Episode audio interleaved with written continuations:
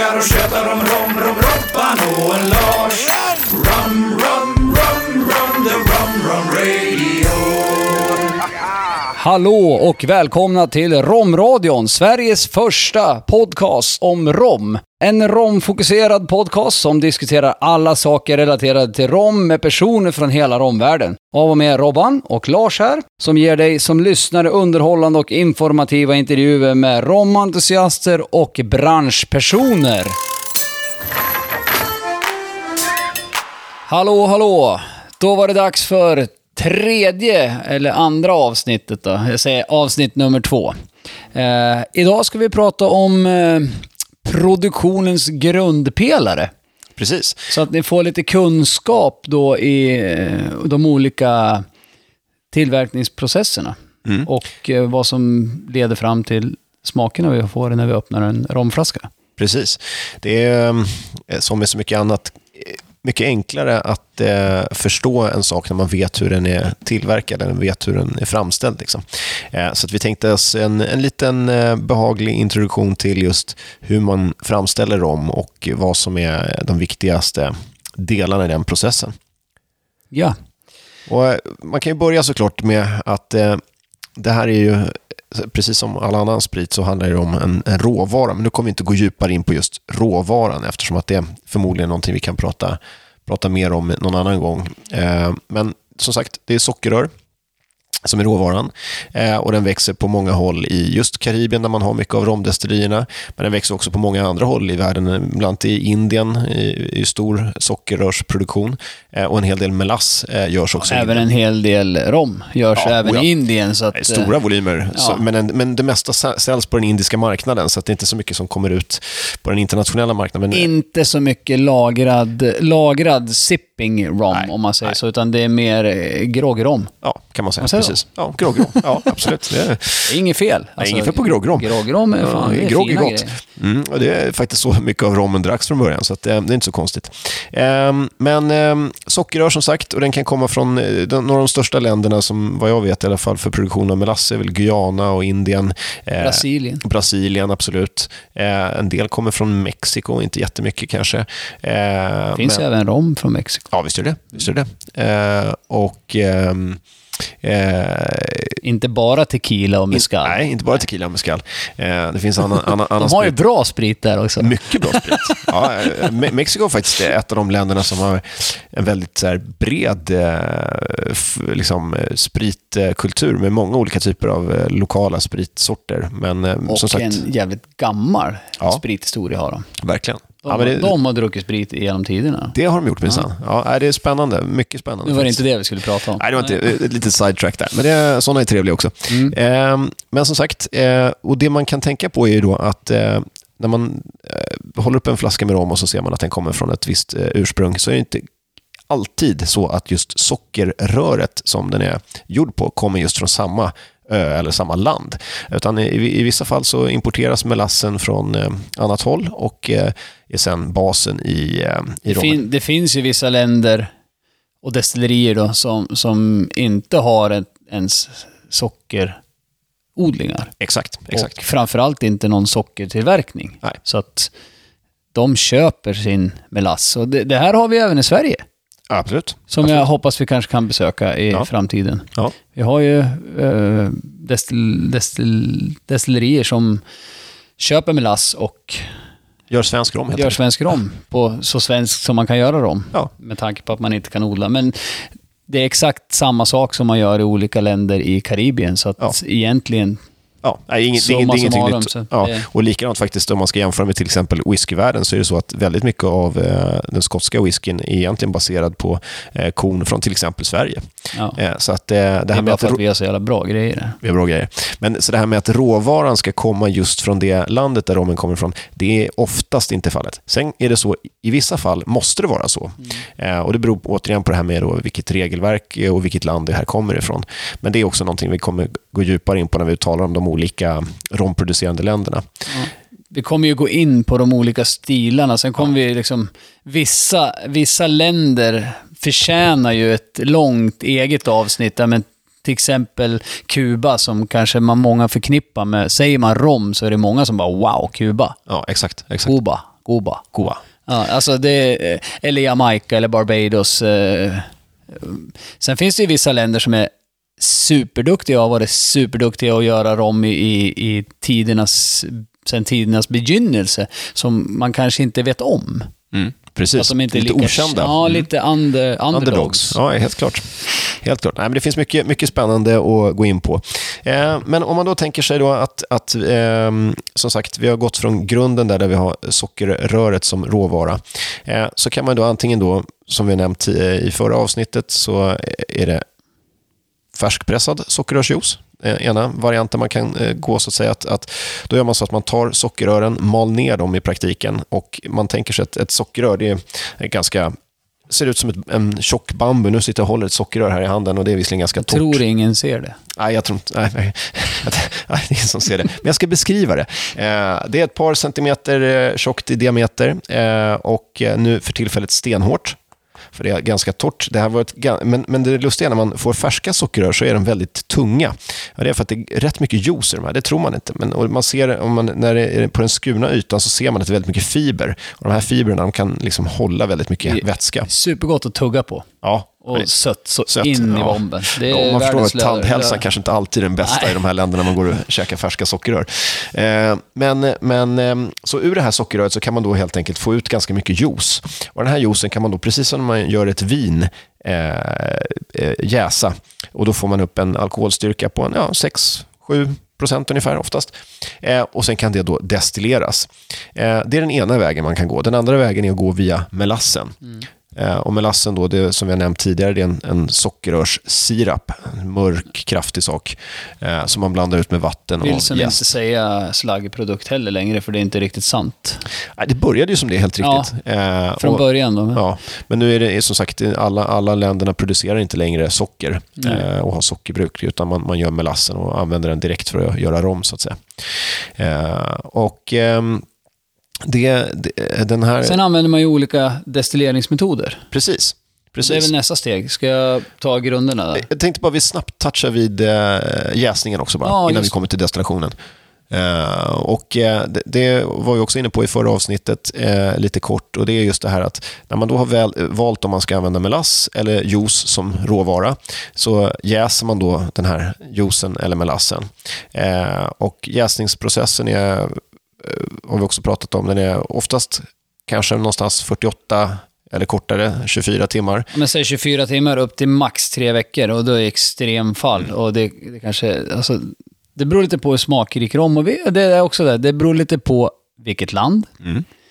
Det finns ju också regler när det gäller sånt här för vissa. Eh, Mm. Traditioner. Traditioner, framförallt traditioner. Och, eh, och det är det som...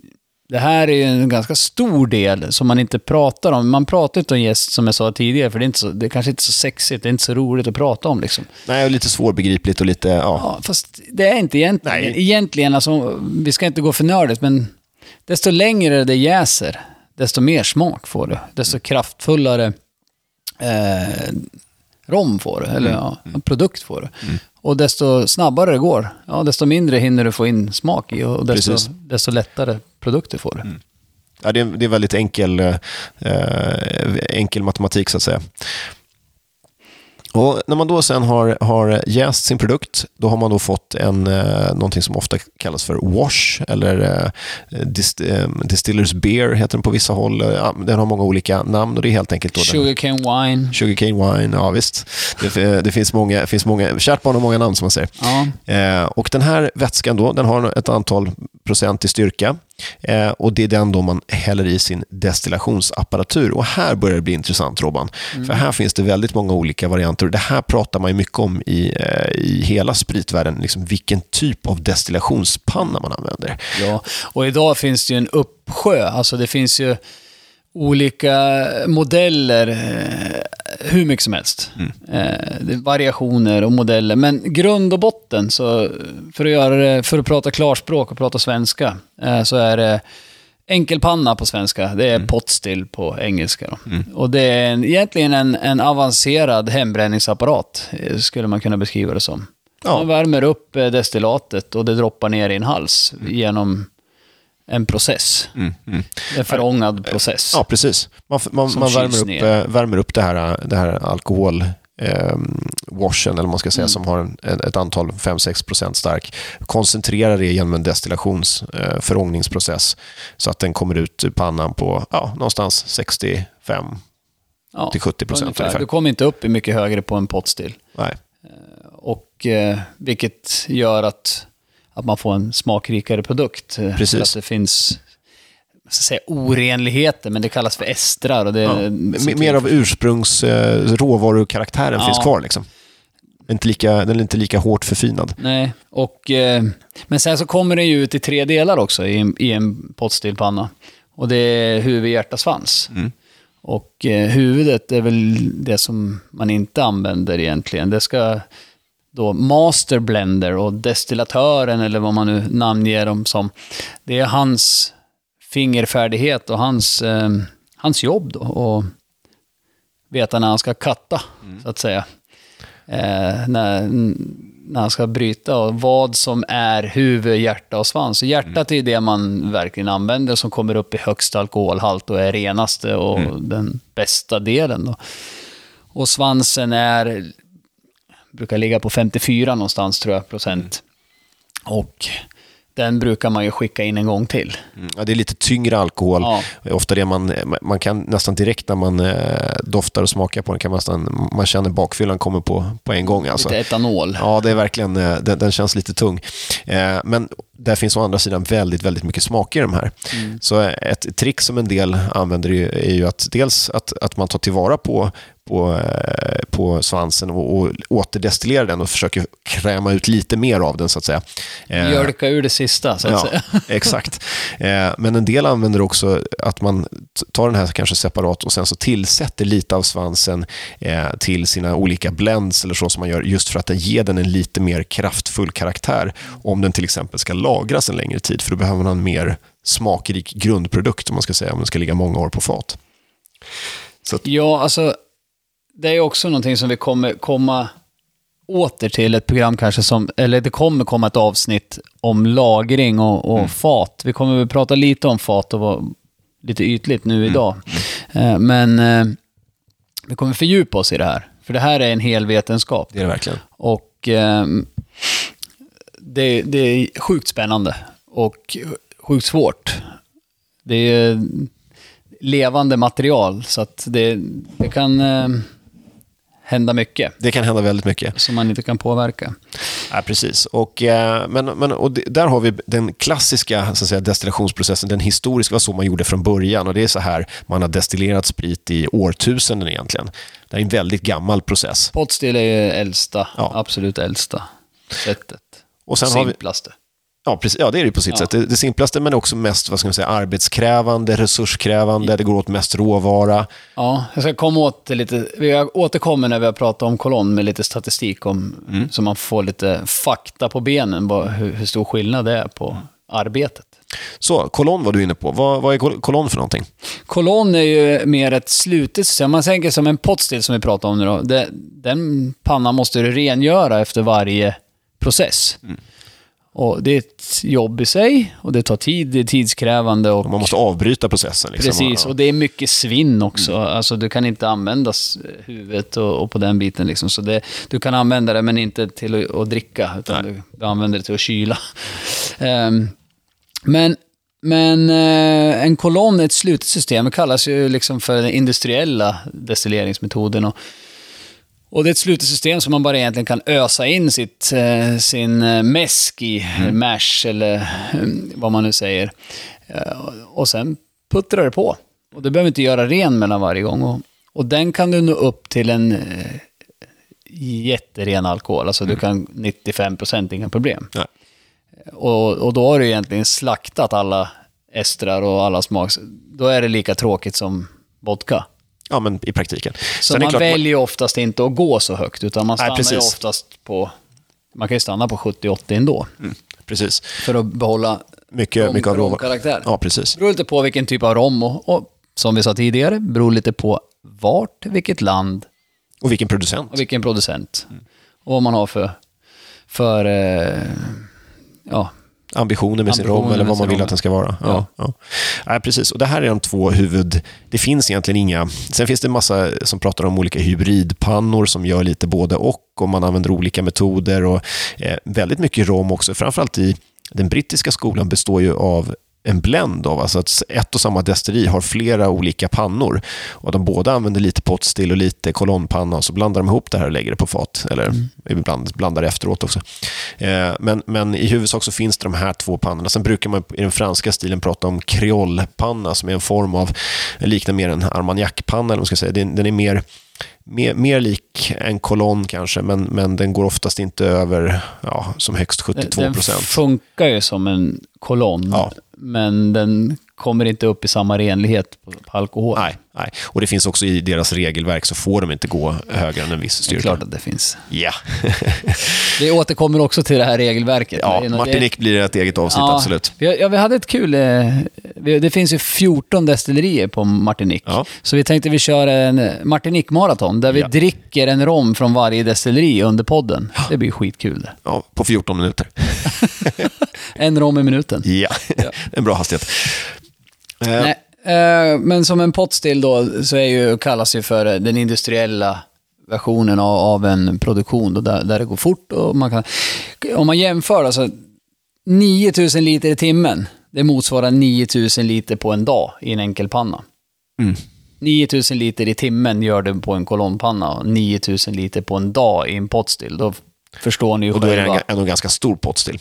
Ja, eller flera. Ja, eller flera, Men alltså ja. i produktionen då, så att säga. Det beror på hur stort destilleri det är. Men, men eh, då förstår ni sammanfattningen av arbetet. Mm, mm, precis. Vad som krävs. Så att, eh, sen, eh, kolonnen är väl framtagen också för att göra en, en rundare och finare och mjukare produkt av, av, av den här. Precis, och jag menar upp, uppkomsten av när kolonnpannan kom och var ny, då var det här en eh, jätteutveckling liksom, utveckling och man lyckades för första gången verkligen göra ganska ren alkohol och som sagt till en högre styrka. Dels kunde den ha industriella syften, att man kunde använda den till framförallt ammunitionstillverkning använde man eh, den här högoktaniga spriten.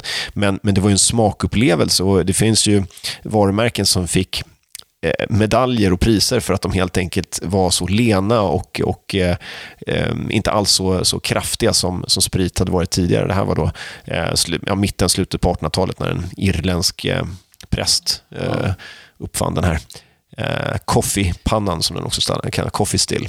Och sen eh, faktiskt då, vägledande inom kolonn är väl också faktiskt eh, Mr. Bacardi, Facundo. Helt klart. Helt klart. eh, på Kuba, som eh, på den tiden då, som började kolonndestillera. Och det är intressant varför man gjorde det, för att från början så var det inte tillåtet att göra att det det. var 1862, 42. Ja, någonstans där. Är det där? Så Ja. Inte helt huvud. Ja, fel. siffror är inte min grej heller. Jag tror det var 62. Ja, men, men det är intressant just därför att varför Kuba blev så snabba på, på just det här med kolonnpannan var ju därför att det hade inte varit tillåtet att göra rom innan, så de hade ju liksom inte någon gammal utrustning att gå och dras med, utan de, när de fick börja göra rom och bli självständiga från Spanien, då kunde de investera i den senaste, nyaste tekniken. Ja.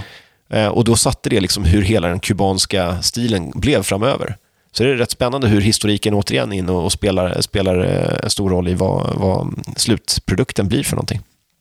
Ja, det, det är mycket som bidrar till eh, hur det har blivit. Liksom. Ja, verkligen. Många, många, många korsningar på vägen.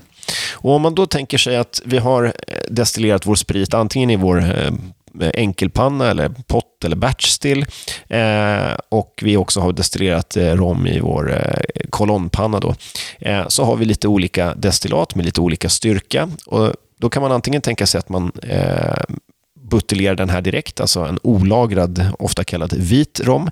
Men vi, jag, jag tror att vi ändå ska försöka hjälpa er att ta er ur fällan att prata om vit och mörk rom, därför att det säger egentligen bara någonting om färgen och inte egentligen, för det finns mörk rom som är olagrad men färgsatt. Men man tänker sig genast att bara för att den är mörk, att den har fått sin färg från faten. Så det är någonting. Sen, sen finns det vit rom som är fatlagrad och som är kolfiltrerad så att den är blank. Ja, för att bara göra det ytterligare lite mer komplicerat. Eh, så att det, det, ljus och mörk rom är någonting som eh, vi egentligen inte borde använda som, som begrepp, så att säga. Men, men för, att, eh, för att göra det lite tydligt så kan vi ändå bildligt använda, använda de begreppen. Men, men om man då tänker sig att man kan välja att buteljera sin rom eh, olagrad, Då är den ljus, eh, vit eh, och det finns ju en del, eh, rätt många producenter som gör det. Några av de absolut största, de absolut mest sålda rommerna är ju olagrad rom, men då från kolonnpanna. Men man kan också buteljera eh, olagrad rom från potstill, men det är inte alls särskilt vanligt, det är ganska ovanligt. Det är väl Nej. framförallt från Jamaica det finns en del Det finns potstill rom och sådär Ja. som, är, som är, säljs olagrad. Svingott. Jättegott är det. Mycket, mycket smaker. Otroligt mycket Ja. smaker. Man, Eh, man blir chockad. Alltså, det, det är fortfarande så kan jag tycka att man kan bli chockad när man ser en, en vit sprit som smakar så jävla mycket. mm, mm. Då, Ja, man är inte riktigt beredd på det. då blir det lite wow. Ja, det är en hög, hög, hög wow-faktor på Ja, mycket, det mycket måste sån rom faktiskt. Ehm, så då kan man tänka sig att man, man eh, buteljerar sin eh, rom olagrad och säljer den som en, som en olagrad rom. Så att säga. Men det vanligaste är ändå trots allt, eller kanske inte det vanligaste i volym räknat, men om man tänker sig eh, hos många producenter att man faktiskt vill lagra sin rom. Eh, och Det är därför att vi egentligen från början använde faten för att transportera och förvara sprit på, men upptäckte ju att med, eh, under förvaringen så blev rommen lite, eller spriten då, lite mjukare och lenare och fick en smak av, av eh, faten som oftast var byggda just i ek. Och ek, i alla fall amerikansk ek, ger en liten lätt vaniljkaraktär, eller lite mer vaniljkaraktär än till exempel europeisk ek. Ehm, och eh, det här är nog någonting som man kanske vill åstadkomma i sin, i sin rom och då lagra den. Och då när man ska lagra den på fat så kommer ju spriten ur pannan på en styrka som vi har sagt mellan någonstans 65 procent i en eh, potstill och upp, uppåt, ja, allt mellan säg 70 till 90 procent eller 95 procent i en kolonnpanna. Men när man lägger rommen på faten så går man oftast ner lite i styrka om man nu har ganska hög styrka då, så man landar någonstans runt en 60-65% när den läggs på fat. Därför att häller man allt för stark rom på faten så blir det, ja, det blir inte, det, det, Man det- chockar trät. ja, det blir inte helt optimalt helt enkelt. Ehm, och Sen så kanske man väljer att eh, det här får ligga ett antal år och, och gotta till sig och lagras. Eh, och Då händer ju någonting som framförallt nere i Karibien är ganska påtagligt, nämligen att det dunstar en hel del rom faten, för det är varmt där nere. Det är ju någonting som kallas för Angel Share och, och det har vi även i, i Europa, i Skottland när vi lagar whisky. Men där kanske man tappar 1-2 procent eh, Per år. per år. Men i Karibien, till exempel om jag säger som i Panama som jag har tillbringat ganska mycket tid, eh, där det är kanske högst, hö, högst luftfuktighet i hela Karibien ja, och Centralamerika. Då. Där dunstar det ju upp till 10 procent. Mm, mm. Så det är ju liksom en radikal Väl- ja. ökning. Jag brukar säga att det, det enda som går snabbare i Karibien än i Europa, det är, det är utvecklingen av lagringen av rom. Ja, ja, men det ligger mycket, mycket i det. Det var väldigt Annars är det mycket som går manjana. Ja. men, men, ehm, och när man då har, eh, tycker att man är färdig med lagringen av sin rom och ska hälla det här på flaska, så väldigt många producenter och väldigt mycket sprit generellt sett ligger på en styrka av just 40 procent. Ehm, så har det inte alltid varit, utan förr i tiden så var det så att då, om man buteljerade sin sprit eller sålde den så sålde man den på den styrka den kommer ur, ur faten så att säga. Det var inte så mycket mer snack kring det, men eh, de senaste hundra åren lite drygt eh, så har man valt att eh, vattna ner rommen, så att, säga, att blanda ut den med, med lite mer vatten inför buteljeringen och då hamnar man oftast just runt 40 procent som man har tyckt helt enkelt är en bra, en bra styrka. Fast det har väl också lite grann att göra med, med våra europeiska, framförallt svenska skatter. Det har väl lite med skatterna att göra också. Skatterna är absolut en, en viktig del av det här, därför att eh, det upptäckte man redan på 1700-talet, att eh, det dracks väldigt mycket, framförallt gin i Storbritannien, och eh, ett sätt att eh, dra ner lite på det här väldiga drickandet var att man helt enkelt införde först ett väldigt hårt skattesystem, men det var, blev, slutade med att det blev kaos och eh, folk började sälja och destillera illegalt och på annat sätt. Men då kom man med ett andra skattesystem som var lite mer eh, lite mer modest. Så att det blev dyrt att dricka sprit, men det blev inte vansinnigt dyrt och så dyrt att det blev liksom eh, uppmuntrade till kriminalitet helt enkelt. Eh, så att det, det, och det, har, det här skattesystemet är nästan i hela världen byggt på eh, styrka, så att säga. Så ju högre styrka, desto högre skatt. Och det gör att eh, man vill inte ha, göra spriten allt för stark, för det blir för dyr, men den får heller inte vara för svag, för den ska fortfarande smaka och ha en bra balans. Liksom. Där tycker jag man har tappat det lite grann, visserligen som vi pratade om Ja. i, i förra avsnittet. Det, var, det vore förbjudet att buteljera lagrad sprit under 45 procent. Ja, men precis. Nå någonstans, det, det är klart en personlig preferens, men... men eh, Rom-Robbans lag. Rom-Robbans lag. ja, den kommer vi få höra igen. Eh, men jag håller med. Jag, jag tycker också att någonstans eh, kring, kring en eh, 45-50 procent, det får man ut som mest smaker ur en sprit. Exakt. Ja. Men eh, som du pratade om tidigare, just det här med, med olika fat. Och det är ju vanligt, det är inte enda anledningen till att man använder amerikansk vit ek och lagra rom på är väl inte riktigt hela sanningen. Utan det finns en uppsjö av begagnade bourbonfat som är, man lagrar bourbon, bourbon är från USA och det får bara lagras enligt lag då på nya fat. Precis. Så när det har lagrats i, vad det nu är, två till fyra år, beroende på, Mm. för att få kallas för bourbon, så är fatet förbrukat. Man får inte använda det igen, återanvända det. Precis. Det här är en lag som uppstod efter eh, förbudstiden för att tunnbindarna inte skulle gå omkull. Och den lever kvar än idag. Det kan ju vara sjukt miljötänk visserligen. Men, men eh, med tanke på om man har varit i Kentucky och, och sett alla de här warehousen, stackhousen som det, det ligger eh, romfat upp Många, till många himlen på. Alltså det är sjukt mycket fat alltså.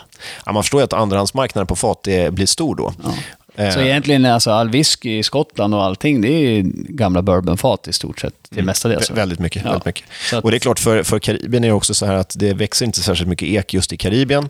Eh, och då är USA ganska nära och behändigt. Och om det då dessutom finns begagnade fat till bra priser så eh, känns det som att då är ekvationen löst. Ja. Det här har väl varit Kubas last visserligen, men det återkommer vi i ett annat program. Ja, precis. Ja, exakt. Eh, nej, men, eh, och eh, när man sen då har buteljerat sin rom, ja, då är den i praktiken klar. Sen finns det då vissa eh, saker man kan göra. Bland annat så kan man tillsätta sockerkulör. Det är fullt lagligt och påverkar egentligen inte smak eller någonting annat mer än att det är en färgjusterare. Eh, helt enkelt. Man försöker få se någonting, eh, kanske som är lagrat eh, några år bara, att bli väldigt exklusivt och mörkt Ja. i flaskan. Precis, men det är också här faran med, med just begreppet mörk rom dyker upp. För det finns också då rom som är helt olagrad, men där man har tillsatt sockerkulör och då tänker sig folk att den är lagrad. Och det är roligt om man, om man provar utan att veta vad det är för någonting man har i glaset. Hur mycket ögat kan lura en. Ja. Eh, om man ser ett, något, ett mörkt destillat där så tänker hjärnan genast att ja, men det här har... Så börjar man leta efter sådana toner som finns i, i lagrad sprit. Ja, men så är det. Det är om du dricker någonting, ett glas med någonting rött i så förväntar du kanske att Åh, det här måste smaka hallon eller jordgubb och så Exakt. smakar det typ någonting helt annat. Då blir det ju lite så här, wow, vad hände här? Och Mm. Ja, det är det- samma med, vi pratar om ljusrom, smakrik jamaicansk rom som är buteljerad eh, med mycket estrar, Mm. mycket smak. Eh, då, eh, ja, det är ju också så här, som vi sa, det blir en wow. För att Man förväntar sig man inte förväntar sig inte det. Nej, det, det är rätt, eh, rätt häftigt och eh, det kan ju någonting som kan vara kul att prova själv någon gång hemma. Att eh, testa lite olika, olika typer av destillat, lagrade och olagrade, utan att veta vad det, vad det är så att säga.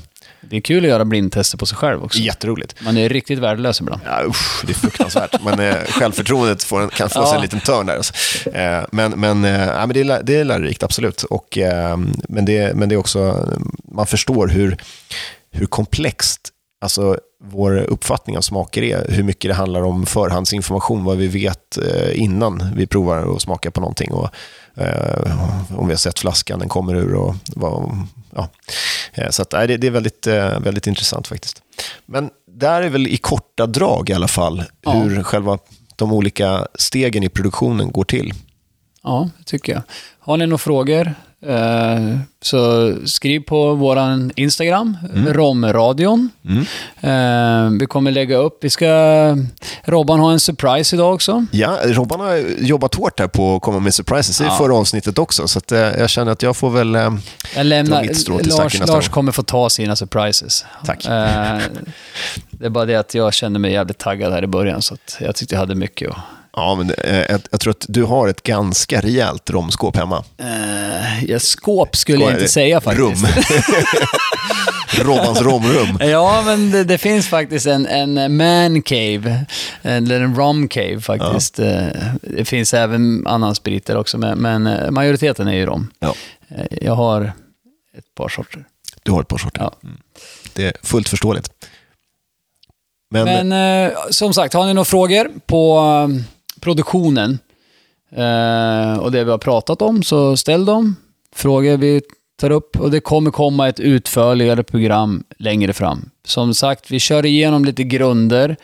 Lite easy peasy. Eh, så att ni ska få hänga med och förstå. Och så vi kommer vi återkomma till allt i stort sett. För att allting, det kommer vara en röd tråd genom alla program. Genom att det, rommen är ju den röda tråden så att säga. Och är är det så att, eh, som sagt, är det någonting som är oklart eller på annat sätt eh, man känner att det skulle vara kul att veta mer om, så skriv gärna så ska vi, är vi öppna för att ta upp det. Surprise time! Haha. Du-du-du-du. Ja, då ska vi se vad det Ja, ja. vankas den här gången då. Ska vi öppna flaskan här bara? Det härliga. Ah, musik. Musik. Så där har vi fått en liten skvätt i glaset var här. Eh, här har vi en eh, karaktäristisk rom. Ja, Eh, som släpptes på Systembolaget 20 i fjärde.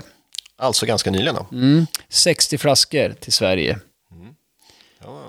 Jag är lycklig att komma över den. Ja, eh, jag kom ju inte över den Ja, på det. Systembolaget, Nähä, utan jag var ju på Jamaica i januari, när du skulle ha varit med. Så du hade ju kunnat köpa den du också, men nu missade du det. Så att, Missade jag. eh, jag var ju på Jamaica och köpte på destilleriet då, när jag var på Hampton Estate Mm. på Jamaica.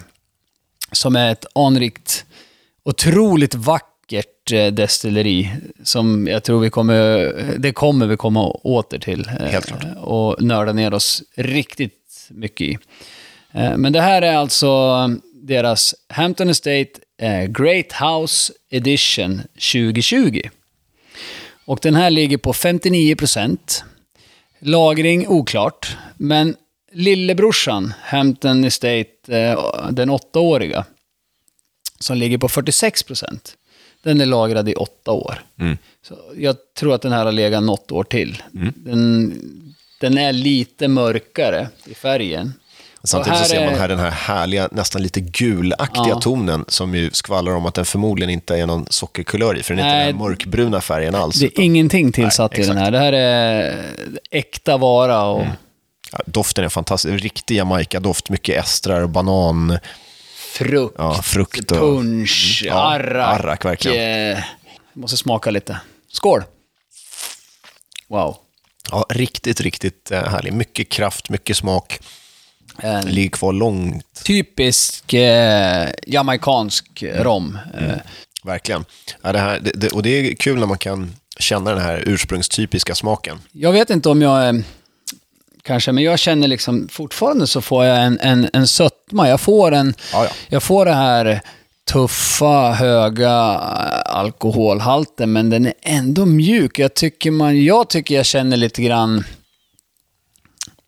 lite crème brûlée, bränt Ja. socker. eh, Jag ska inte säga sötma, men mjukhet. Alltså, söta smaker, Ja. söta fruktiga smaker, helt klart. Ehm, den är absolut inte söt-söt. Nej, nej, nej. Men eh, den, det finns ju fortfarande en mjuk, eh, len sötma Mm. Och sen på så- något sätt i ja. den. Och sen så den här estrarna och alkoholen ger den här nästan lite gräddiga ton, alltså Ja, lite simmig. Lite Ja. Mm. simmig. Ja, lite oljig nästan. Ja, så. ja. Men eh, jag tycker faktiskt att lillebrorsan, den på 46%, är spretigare. Mm. Eh, jag tycker att den är riktigt trevlig att ha. För, 46an, alltså den åttaåriga lillebrorsan, den, den tycker jag är riktigt trevlig att ha i, i en cocktail. Mm. För den är lite spretigare, den lever kvar liksom när man blandar ut den så att säga. Den här är ju fan svingod att sippa på. Mm, ja, verkligen. Sen får man ju liksom ta det lite lugnt så man tar sig hem sen. Men Ja, ja, nu Nej, får men- man ju inte vara ute längre än till klockan åtta, för det är pandemijäveln i här. Så att, då får, Ja. fick jag det sagt. Nej, Ja. ja, men precis. Och då, Nej är- men supertrevlig och, och klassisk amerikan. Men man måste gilla lite funk. Mm. Man måste gilla lite, lite eh, rough. Ja, men det är väl det. Alltså, Jamaica är ju sällan kanske det första ursprunget som man gillar, eller det man ska börja med helt enkelt. Jag, jag det tror är- att det här är, skulle man kunna skrämma iväg många nybörjare Det risk, i, i, i romvärlden. Om de inte kommer från gedigen whiskydrickning, Ja, ja. förtäring. Whisky, armagnac kanske, Ja, möjligtvis. alltså där, där man får mer trä mer fat och är kanske är van att dricka en liten Cask strength. whisky. För det här blir ju liksom, även om det, det finns en overproof på den här också, Okej. som är lagrad sju år, eh, som ligger på 60%, det är 59 så jag vet inte riktigt. Det är stor skillnad. Eh, Eh, Jag har inte smakat den, Mm. men det kommer vi säkert göra också. nej, riktigt eh, trevlig och en jättebra representant för den jamaicanska stilen verkligen. Det kommer komma upp eh, bild och en liten recension på den här. Nu tror jag inte att det finns några kvar att köpa. Det gör nog inte det. Nej, Det kändes som den F60 försvann ganska snabbt. så att eh, ni får flörta hårt, för jag har en flaska. Ja, precis. Ja, men det är kul. Och det är också det här med att eh, rom har börjat bli mer och mer av någonting som folk faktiskt kanske ja, men samlar och köper på sig och, och eh, bygger upp ett eget litet rombibliotek hemma, en romsamling. Ja, det, det är lite... Det, det tråkiga är väl att det kan, kan vara lite dyrt. För jag vill gärna köpa två. Dricka en och spara en. Det är en tumregel som många jobbar efter, så det, det, det, kostar på sig lite. Man får välja Ja. selektivt vad man ska samla på. Det är så. Vill du vara kung i baren på lörning eller vill du ha en fin, en, ett fint romskåp? Ja, det får Ja. välja själv. Precis, precis. Så är det. Ehm, recension kommer på Romradion. Ehm, Nytt avsnitt kommer inom kort. Ja, får vi se vad det, vad det handlar om. Har vi inte riktigt bestämt än, men det kan Nej. bli en överraskning. Ja, det blir en surprise. Ja, men det är surprise. Roligt blir det. Ja, får jag stå för surprisen också? Jajamän, Lars står för surprisen på nästa. Så eh, vi tackar för oss och, och skål! Rum, rum, rum, rum, the rum, rum radio. De dricker och smakar och tjötar om rom, rom, Robban och en Lars. Run Radio.